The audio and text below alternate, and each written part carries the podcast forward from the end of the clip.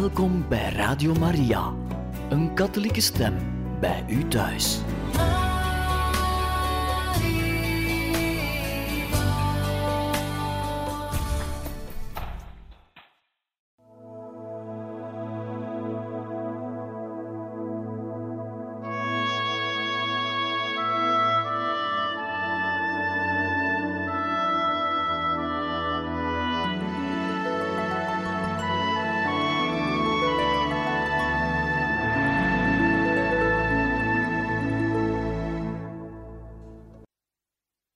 Beste luisteraars van Radio Maria. In dit programma lezen wij voor de laatste maal voor uit het boek Don Bosco van Teresio Bosco. En we zijn gekomen bij hoofdstuk 50, Het grote leed, bij het onderwerp met dezelfde naam. De plechtige kerkwijding vond plaats op 14 mei. Daags daarop wilde Don Bosco naar de kerk gaan om er de mis te lezen aan het altaar van Maria, hulp der christenen. Amper was hij met de mis begonnen, of Don Viglietti, die hem assisteerde, zag hem in tranen uitbarsten. Een groot, tomeloos verdriet dat bijna heel de mis duurde. Op het einde moest hij bijna naar de sacristie gedragen worden. Don Viglietti mompelde bezorgd wat scheelt er aan Don Bosco? Voelt u zich niet goed? Don Bosco schudde het hoofd. Het tafereel van mijn eerste droom op mijn negende jaar stond mij levendig voor ogen. Ik zag en hoorde zowaar mijn moeder en broers discussiëren over wat ik gedroomd had. In die verre droom had de Madonna hem gezegd: Te zijner tijd zul je alles begrijpen. En juist nu, terugkijkend op zijn leven, meende hij alles te begrijpen. Het loonde de moeite zoveel offers te brengen en zoveel te werken voor de redding van zoveel jongens. Op 18 mei vertrok Don Bosco uit Rome voor de allerlaatste keer. Luigi Orione, drie schriftjes met zonden. Ook in zijn laatste levensjaren, door reizen en schulden gesloopt, kon Don Bosco zich nooit van zijn jongens losmaken. Hen te zien, hen bij zich te weten, wat met hen te wandelen, deden hem weer herleven, ook na moordende dagen. In oktober 1886 was een jongen van veertien jaar uit Pontecurone aangekomen. Hij heette Luigino Erione. Hij was de zoon van een arme stratenmaker. En ook hij had geknield naast zijn vader gezeten, uren en uren met zijn knieën in het vochtige zand, om de ene steen na de andere te leggen en ze met kleine hamerslagen de grond in te slaan. Hij wilde pater worden in Voghera, maar was ziek geworden en moest naar huis terug. De Salesianen van Valdocco hadden hem aangenomen. Luigino was weg van Don Bosco. Wanneer deze naar de speelplaats kwam, en steeds minder, weet Luigino nog te vertellen, dromden de jongens met tientallen, met honderden om hem heen, vochten erom het dichtst bij hem te zijn en waren blij als hij iets tegen hen zei. Luigino drong zich zoveel mogelijk naar voren Don Bosco keek hem aan, lachte hem toe en vroeg hem of de maan in zijn dorp even groot was als in Turijn. Toen hij hem zag lachen, zei hij schertsend: Je bent me ook een onnozele hals. Luigino had één grote wens: hij wilde bij Don Bosco gaan biechten. Maar hoe? Don Bosco is aan het einde van zijn krachten. Hij hoort alleen nog biecht voor een paar Salesianen en voor de jongens van de vijfde klas gymnasium, die zich op het noviciaat voorbereiden. Maar op een bijna onverklaarbare manier krijgt hij dat buitengewone voorrecht gedaan. Daar moet hij zich ernstig op voorbereiden. Don Orione vertelde zelf: Bij het gewetensonderzoek had ik drie schriftjes vol. Om niets te vergeten had hij er een paar biechtformulieren bijgehaald. Hij schreef alles over en beschuldigde zichzelf in alles. Op één enkele vraag had hij negatief geantwoord. Op de vraag: Heb je iemand gedood? Dat niet, schreef hij op. Daarna ging hij bij de anderen zitten om zijn beurt af te wachten.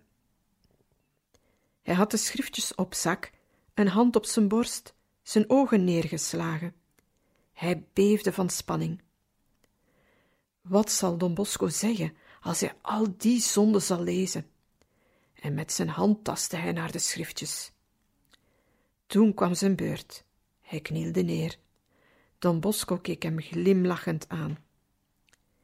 Geef me je zonde. De jongen haalde het eerste schriftje tevoorschijn.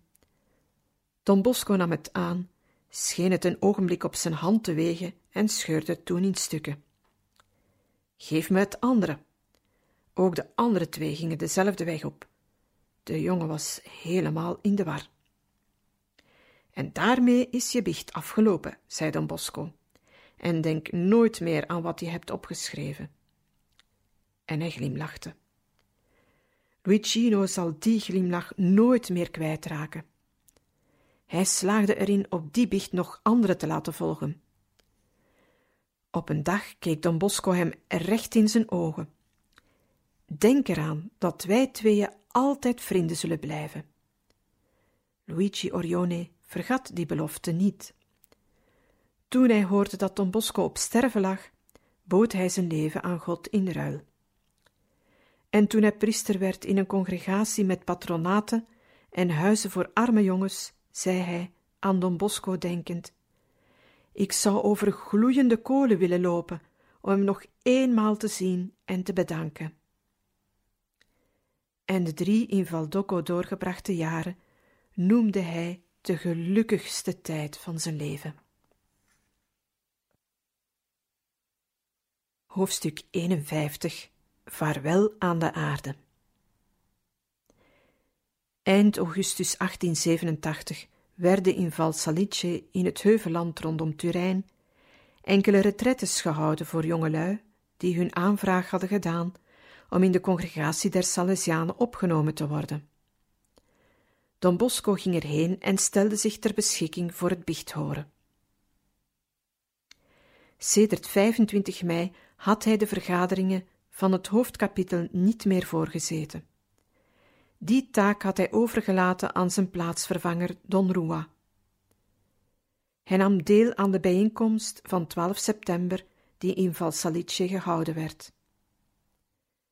In de tweede helft van september voelde hij zich niet goed. Hij had erge hoofdpijn en koorts. Enige dagen lang kon hij zelfs de mis niet lezen. Don Viglietti, zijn secretaris, schreef in het dagboek van die dagen: Niettemin is hij altijd opgeruimd, werkt, schrijft en ontvangt mensen. Hij zou best wat opbeuring kunnen gebruiken, maar hij is het altijd die anderen opbeurt.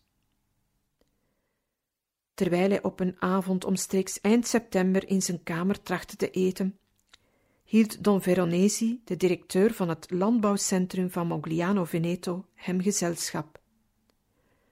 Opeens zei Don Bosco: Ik heb nog maar weinig tijd te leven. De oversten van de congregatie zijn er niet van overtuigd en geloven dat Don Bosco nog lang moet blijven leven. Ik geef er niet om te moeten sterven.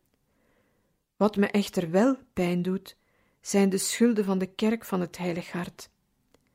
En dan te bedenken dat er al zoveel geld is ingezameld. Die beste Don Dalmazzo is een brave man, maar hij is geen administrateur. Wat zullen mijn zonen zeggen als ze die last op hun schouders zullen krijgen? Bid voor mijn ziel. Volgend jaar met de retretes zal ik er niet meer zijn. Hij voelde de eenzaamheid hem stilaan inkapselen. Don Paolo Albera, de inspecteur van de Salesiaanse huizen in Frankrijk, moest vertrekken. Hij ging Don Bosco goedendag zeggen, en Don Bosco keek zijn Paolino liefdevol aan en mompelde met tranen in zijn ogen. Ook jij gaat weg. Ze laten me allemaal in de steek. Ik weet dat Don Bonetti vanavond afreist. En ook Don Rua zal weggaan. Ze laten me hier allemaal alleen. Hij begon stilletjes te huilen. Hij was een arme, vermoeide man die na zoveel werk voelde hoe de eenzaamheid hem langzamerhand omsloot. Ook Don Albera kon zijn tranen niet bedwingen. Toen vermande Don Bosco zich. Ik verwijt je niets, weet je. Je doet je plicht, maar ik ben een arme oude man. Ik zal voor je bidden dat God je mag vergezellen. Voordat hij weer naar Voldocco terugkeerde, bracht Don Bosco enkele minuten door bij Don Barberis, de directeur van Valsalice. Hij hield zijn ogen strak op de grote brede trap gericht en zei zachtjes: Van nu af aan zal ik hier de wacht van dit huis betrekken. En toen, enkele ogenblikken later, laat maar een ontwerp maken. Don Barberis meende dat Don Bosco op het laatste gedeelte van het gebouw dat in aanbouw was, zinspeelde. Ik zal het laten klaarmaken en van de winter zal ik het u voorleggen. Nee, niet van de winter, volgende lente. Leg het ontwerp maar aan Don Rua voor. En hij bleef naar de brede trap staren. In het portaal van die trap werd vier maanden later Don Bosco's graf in gereedheid gebracht. En het ontwerp van het kleine monument op het graf werd door Don Barberis inderdaad aan Don Rua voorgelegd in de lente van 1888. Toen herinnerde hij zich die geheimzinnige woorden.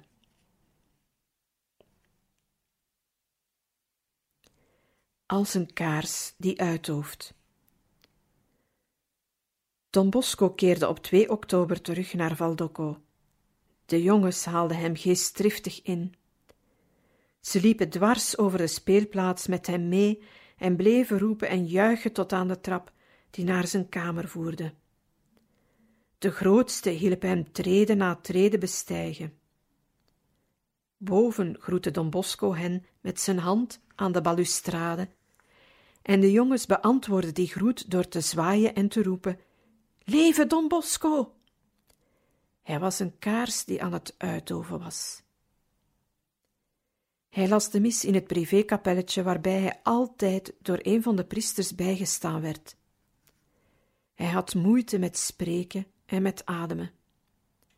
Tot de bezoekers zei hij schertsend: Ik zoek twee nieuwe blaasbalgen. De mijne werken niet meer zoals het hoort. 4 december. Don Ceruti, die belast is met de algemene gang van zaken in het patronaat, gaat naar zijn kamer om hem te spreken. Na de zaken grondig besproken te hebben, zegt Don Bosco: Je ziet er bleek uit. Hoe is het met je gezondheid? Neem je in acht. Doe voor jezelf wat je voor Don Bosco zou doen. Don Ceruti was ontroerd en Don Bosco zei: Goede moed, mijn beste Don Ceruti. Je zult zien hoe blij we zullen zijn in het paradijs. De secretarissen geven hem de binnengekomen brieven. Hij schrijft er wat bij, bij wijze van antwoord. Hij slaagde er niet meer in zelf te antwoorden. De laatste brief, waaraan hij persoonlijk twee regels toevoegde, was gericht aan mevrouw Broquier. Laten we veel geven als we veel wensen te ontvangen. Mogen God u zegenen en leiden. Tijdens de mis leed hij aan ademnood. Hij las ze nog op de vierde en de zesde van die maand. Op zondag 11 december probeerde hij het weer. Na de mis was hij gebroken. Dat was zijn laatste. Monseigneur Cagliero komt terug. Op de avond van 7 december komt Monseigneur Cagliero uit Amerika aan. Don Rua had hem getelegrafeerd. Papa maakt het heel slecht. Meteen was hij vertrokken. Terwijl de bisschop over de speelplaats liep, juichten de jongens hem toe. Hij hield zijn blik evenwel naar boven gericht, naar de gesloten ramen waarachter Don Bosco aan het de uitdoven was. Hij ging de kamer binnen. Don Bosco zat op een eenvoudige sofa. Monseigneur Cagliero knielde voor hem neer, omarmde hem, drukte hem tegen zijn borst en legde zijn hoofd op zijn schouder. De kracht en moed van deze vroegere jongen van hem gaven Don Bosco weer levenskracht. Hij streek over Monseigneur Cagliero's borst, waar hij tijdens zijn val in de Andes twee ribben gebroken had, en vroeg hem: Gaat het nu goed? Ja, Don Bosco, ik maak het echt goed. Intussen keek hij Don Bosco aan. Hemel, wat was hij verouderd, wat was hij versleten in drie jaar tijd. Op die sofa brachten ze samen de avond door. En de bisschop vertelde hem heel veel over de missie, over de Salesianen die ginds werkten en over de inboorlingen die door hen met duizenden gedoopt en gered werden. En opeens, zoals toen hij een jongen was, vroeg hij: Don Bosco, neem me de biecht af. De raadgevingen die Don Bosco hem die avond meegaf, schreef de bisschop op een blad papier dat hij meenam naar Amerika. Onder meer had Don Bosco hem gezegd: Ik wil dat je hier blijft totdat alle dingen na mijn dood geregeld zijn.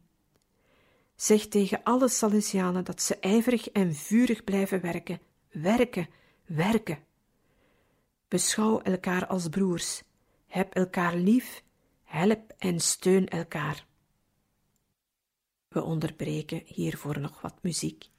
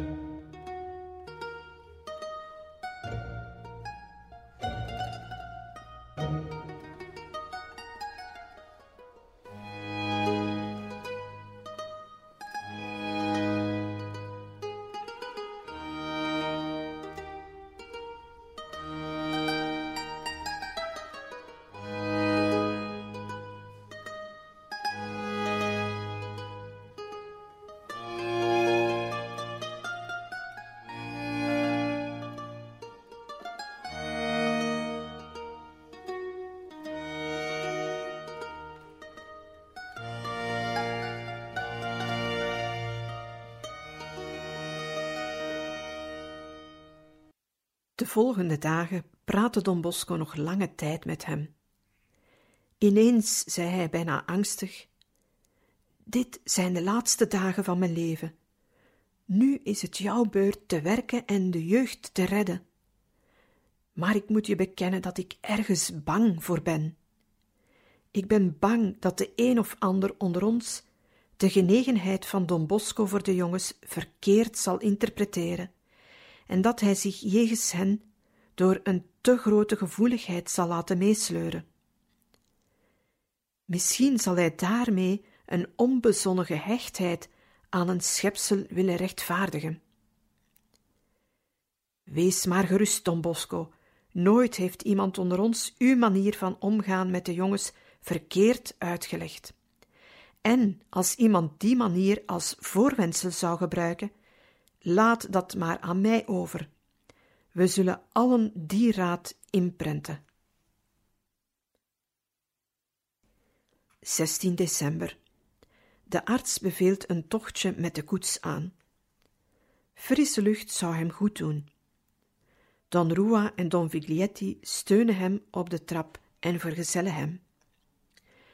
Terwijl de koets bij de terugkeer weer traag over de Corse Vittorio Emanuele rijdt, ziet Don Viglietti kardinaal Alimonda onder een van de zuilengangen.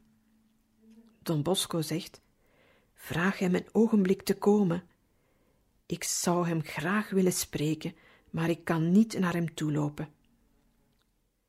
Nauwelijks had de kardinaal Viglietti in de gaten gekregen of hij haastte zich naar de koets, strekte zijn armen uit en riep: O Don Bosco, Don Bosco!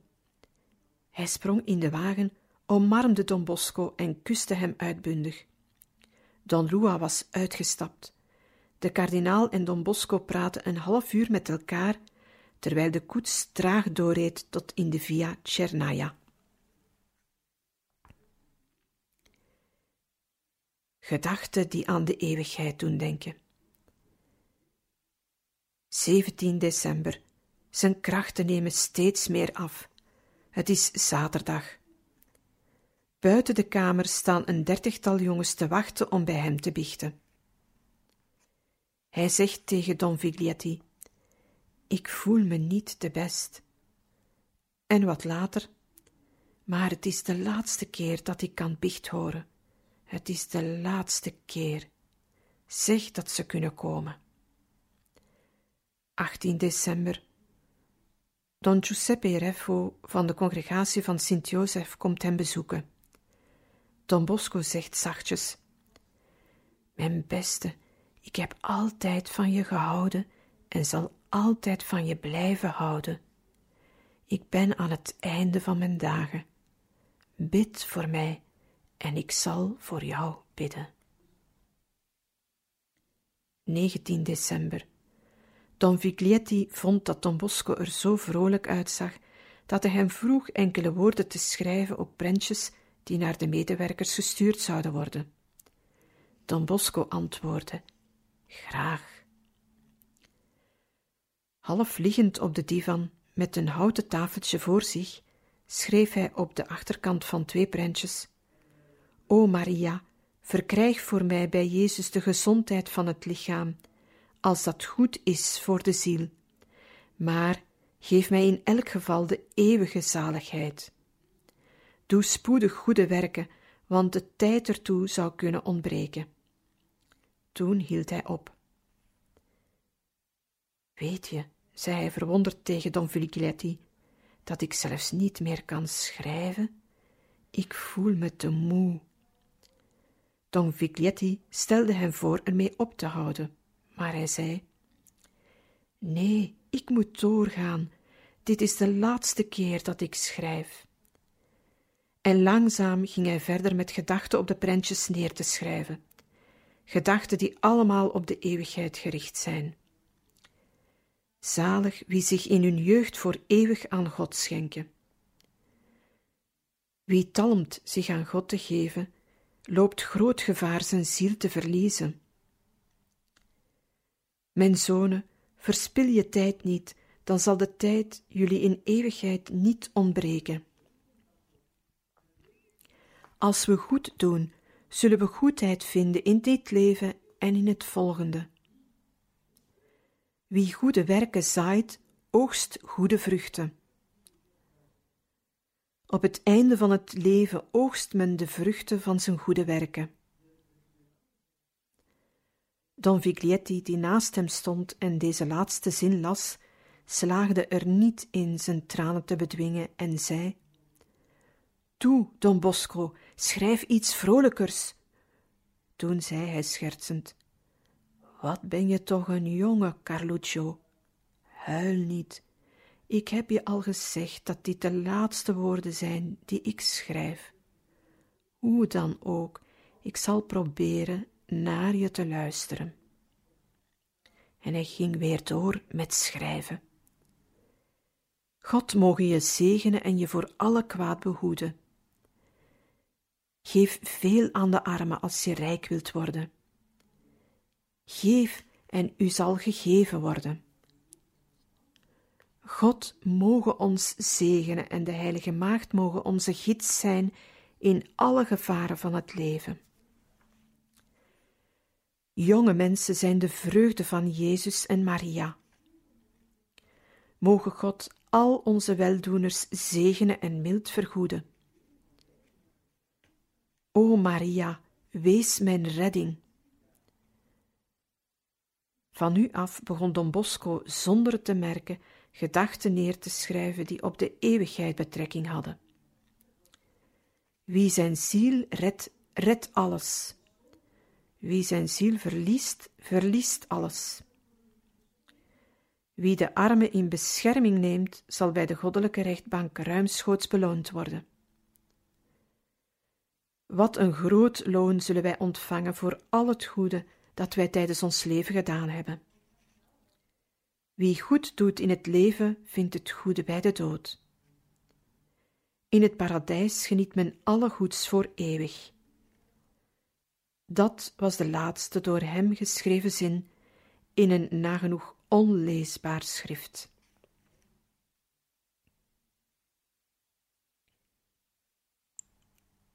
De stilte op de grote speelplaats. Diezelfde morgen ontving hij tien personen. Al sinds veertig jaar besteedde hij elke voormiddag aan raadgeven, zegenen, troosten, helpen, opvrolijken van wie hem wenste te spreken. Dat was een van de grote lasten van zijn leven.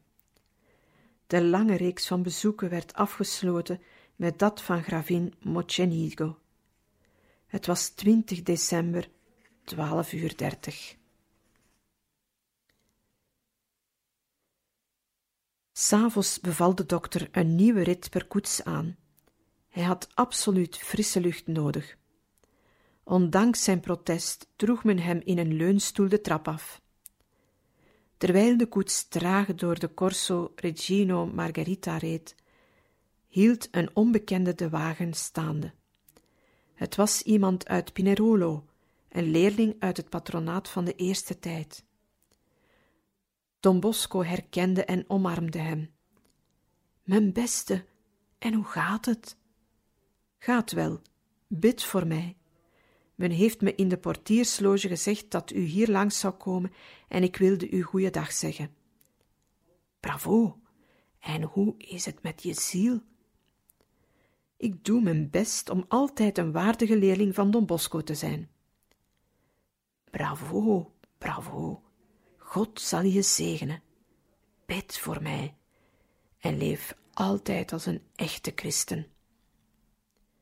Het leek wel of de frisse lucht Don Bosco goed gedaan had. Maar toen dokter Albertotti kwam, vond hij zijn toestand erg verslechterd. Hij liet hem naar bed brengen. De priesterstudent Vesta was daarbij en vroeg Don Bosco: Hoe voelt u zich? Ik moet nu alleen nog maar voor een goed besluit zorgen. Tussen 20 en 31 december kon het elk ogenblik aflopen. Coadjuteur Pietro en Ria, die elke nacht bij hem waakte, vatten die nachten in enkele woorden samen. Hij leed en zweeg. Hij had hoge koorts en een moeilijke ademhaling.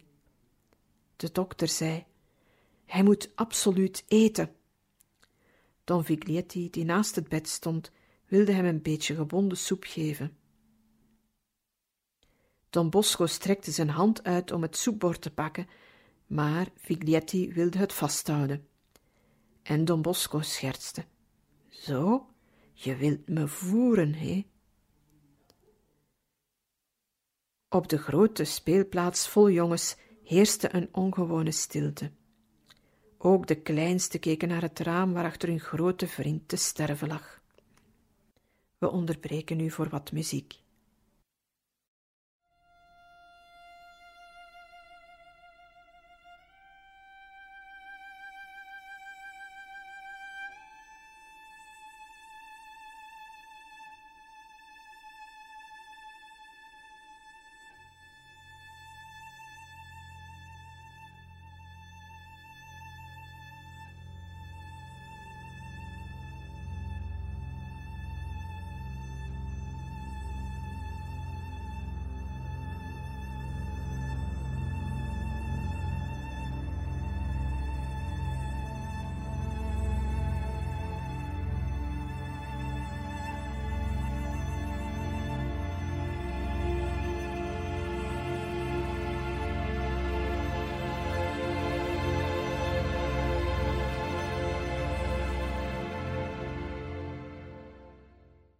Nu heb ik het nodig dat men dat tegen mij zegt. 23 december. Smiddags scheen het einde nabij te zijn. Don Bosco mompelde. Laat iemand zich klaarmaken om mij de laatste sacramenten te geven. Don Bonetti stond naast zijn bed. Opeens kneep hij hem krachtig in zijn hand. Wees altijd een sterke steun voor Don Rua. Toen Monsieur Cagliero kwam, verzamelde hij al zijn krachten en zei: Zeg tegen de paus dat de congregatie en de Salesianen, waar ze zich ook bevinden of waar ze ook werken, als speciaal doel hebben het gezag van de Heilige Stoel te steunen. Door de paus beschermd zullen jullie missionarissen naar Afrika trekken. Je zult het doorkruisen. Je zult naar Azië gaan en elders. Heb vertrouwen. Ook Giuseppe Buzzetti met zijn imposante rode baard stond naast hem. Don Bosco kon niet spreken, maar trachtte een grapje te maken door de militaire groet te brengen. Toen slaagde hij erin te mompelen. O, mijn dierbare, je bent me altijd zo dierbaar. Tegen de avond zat naast hem de missionaris Don Cassini, die met Monsieur Cagliero uit Amerika teruggekomen was. Don Bosco fluisterde hem in het oor. Ik weet dat je moeder arm is. Zeg het me maar ronduit en alleen aan mij zonder dat je met iemand over je geheimen moet praten. Ik zal je alles geven wat je nodig acht. Pietro en Ria hielpen hem bij de stoelgang. Don Bosco keek hem dankbaar aan en zei met een zwak stemmetje: Arme Pietro, heb maar geduld. O Don Bosco, ik zou mijn leven geven voor uw gezondheid, en niet alleen ik, weet u, wij allemaal die zoveel van u houden. De enige scheiding die ik bij het sterven voel, slaagde Don Bosco erin hem te antwoorden, is het afscheid van jullie allemaal. Het was al laat in de avond toen kardinaal Alimonda kwam. Men had hem gewaarschuwd dat het voor Don Bosco wel eens de laatste nacht kon zijn. Hij ging naar binnen, omarmde en kuste hem. Don Bosco spande zich in nog iets te zeggen. Eminentie, bid dat ik mijn ziel mag redden. Maar Don Bosco, u moet niet bang zijn om te sterven. Zo vaak hebt u anderen de raad gegeven bereid te zijn. Jawel, en nu heb ik het nodig dat men dat tegen mij zegt. In de morgen van 24 december bracht men de heilige communie en diende monsieur Cagliero hem het sacrament van de zieke toe. Er trad een lichte verbetering in. 26 december. Carlo Tomatis, een leerling van het patronaat in de tijd van Domenico Savio, kwam hem bezoeken. Hij bracht zijn zoontje mee om hem te laten zegenen. Maar hij had geen idee dat Don Bosco het zo slecht maakte. Hij knielde aan het voeteneinde van het bed neer en kon enkel uitbrengen: O Don Bosco, o Don Bosco. Daarna ging hij de kamer uit. Don Bosco gaf Don Rua een teken die zich naar hem vooroverboog. Je weet dat hij het moeilijk heeft, fluisterde hem toe. Betaal hem zijn reis in mijn naam. De arts had de zieke nu volledige rust voorgeschreven en elk bezoek verboden. Don Bosco bracht de volgende dagen door in een voortdurende waak-slaaptoestand. 29 december. Tegen het einde van de dag liet hij Don Rua en Don Cagliero roepen. Hij greep hem bij de hand en zei zachtjes: Hou van elkaar als broers. Heb elkaar lief. Help en steun elkaar De hulp van God en van Maria, hulp der christenen, zal jullie niet ontbreken. Beloof mij elkaar als broers te zullen liefhebben. In de nacht vroeg hij Enria om een slokje water. Daarna zei hij: Je moet leren leven en sterven. Het uur waarop de monsters weerkeren. Dat scheen het einde te zijn, maar het ging anders. Van 1 tot 20 januari trad er een ongelooflijke verbetering in. Het had er alle schijn van dat zijn gezondheid terugkeerde en dat de oude stronk weer opbloeide. Het was een geschenk van God, maar ook een hoop die spoedig vervloog. 21 januari. Monsieur Cagliero trad de kamer binnen. Dierbare Don Bosco, het gevaar dat wij vreesden schijnt geweken te zijn.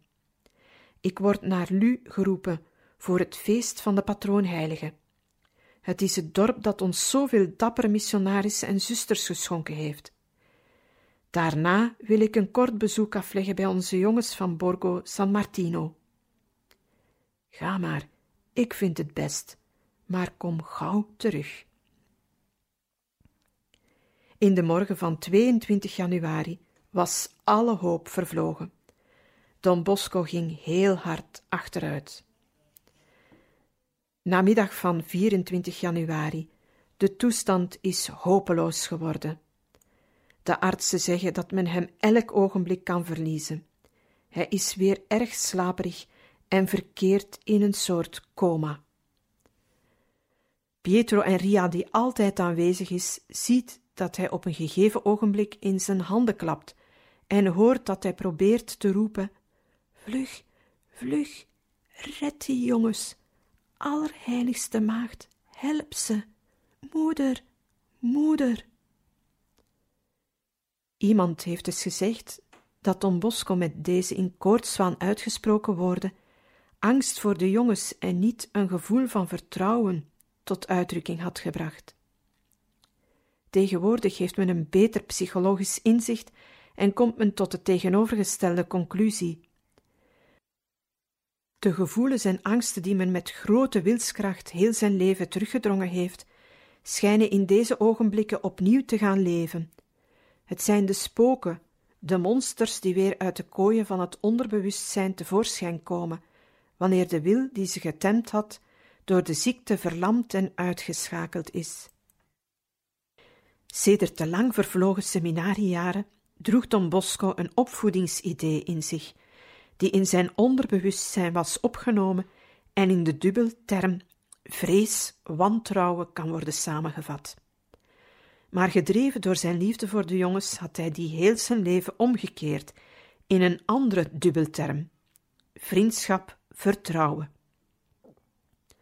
Nog kort tevoren had hij dat bewezen door de speciale manier van biecht horen bij de vreesachtige jonge Luigi Orione. En paradoxaal genoeg was hetgeen hen op dit ogenblik scheen te overwinnen, juist wat heel zijn leven lang door hem overwonnen was. We onderbreken u voor wat muziek.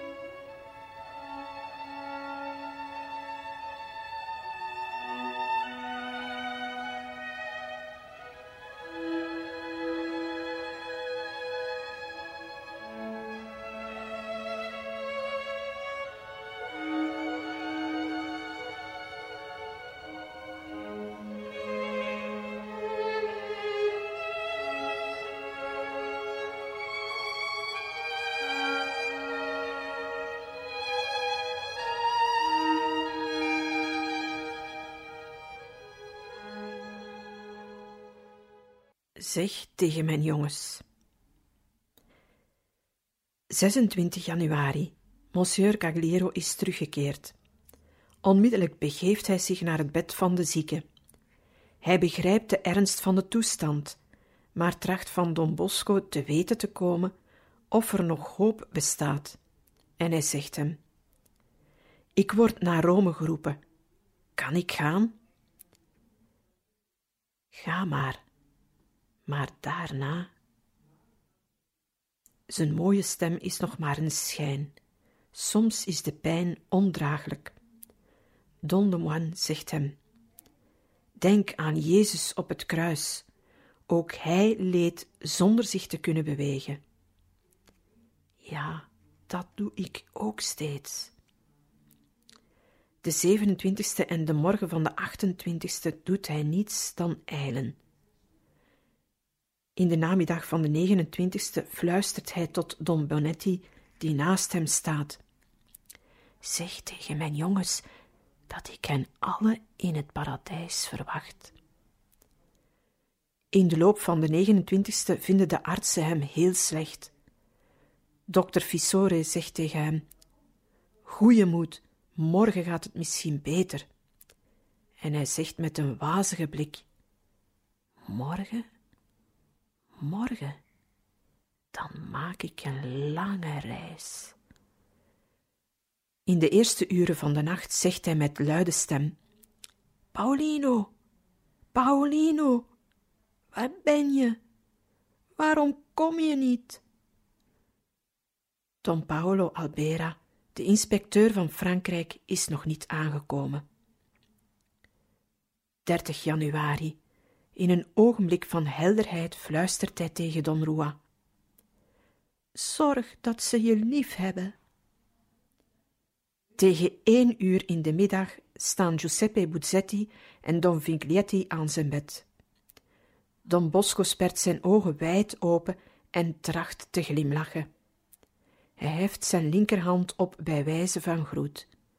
Buzzetti barst in tranen uit. 31 januari. Omstreeks twee uur s'nachts bemerkt Don Rua dat het afloopt. Hij hangt zijn stool om en begint de gebeden der stervende. In allerijl worden de andere oversten van de congregatie geroepen. Wanneer Monsieur Cagliero binnenkomt, geeft Don Rua hem de stool, gaat aan de rechterzijde van Don Bosco staan, buigt zich voorover naar zijn oor en zegt hem: Don Bosco, hier staan we, uw zonen. We vragen u vergeving voor alle verdriet dat u door onze schuld hebt moeten dragen. Geef ons als teken van vergeving en van vaderlijke goedheid nog eenmaal uw zegen. Ik zal uw hand vasthouden en de formule van de zegen uitspreken. Don Rua heft de nu krachteloze hand op en spreekt voor de aanwezige Salesianen en voor hen die afwezig zijn de zegen uit. In de kamer weer klinkt het gereutel van de stervende. Om half vijf houdt het plotseling op. De ademhaling wordt enkele ogenblikken kort en houdt dan op. Don Belmonte roept uit: Don Bosco sterft! Drie moeizame ademhalingen volgen met korte tussenpozen. Monsieur Cagliero zegt met luide stem het gebed op dat hij als jongen van Don Bosco geleerd heeft. Jezus, Maria, Jozef, ik geef u mijn hart en mijn ziel. Jezus, Maria, Jozef, sta mij bij in mijn laatste doodstrijd. Jezus, Maria, Jozef, mogen mijn ziel in vrede met u sterven. Daarna neemt hij de stool van zijn hals en legt ze om de schouders van Don Bosco, die het licht is ingegaan. Beste luisteraars van Radio Maria, we beëindigen hier deze lezing uit het boek Don Bosco en we gaan volgende keer verder met een nieuw heilige verhaal. Dank u voor het luisteren.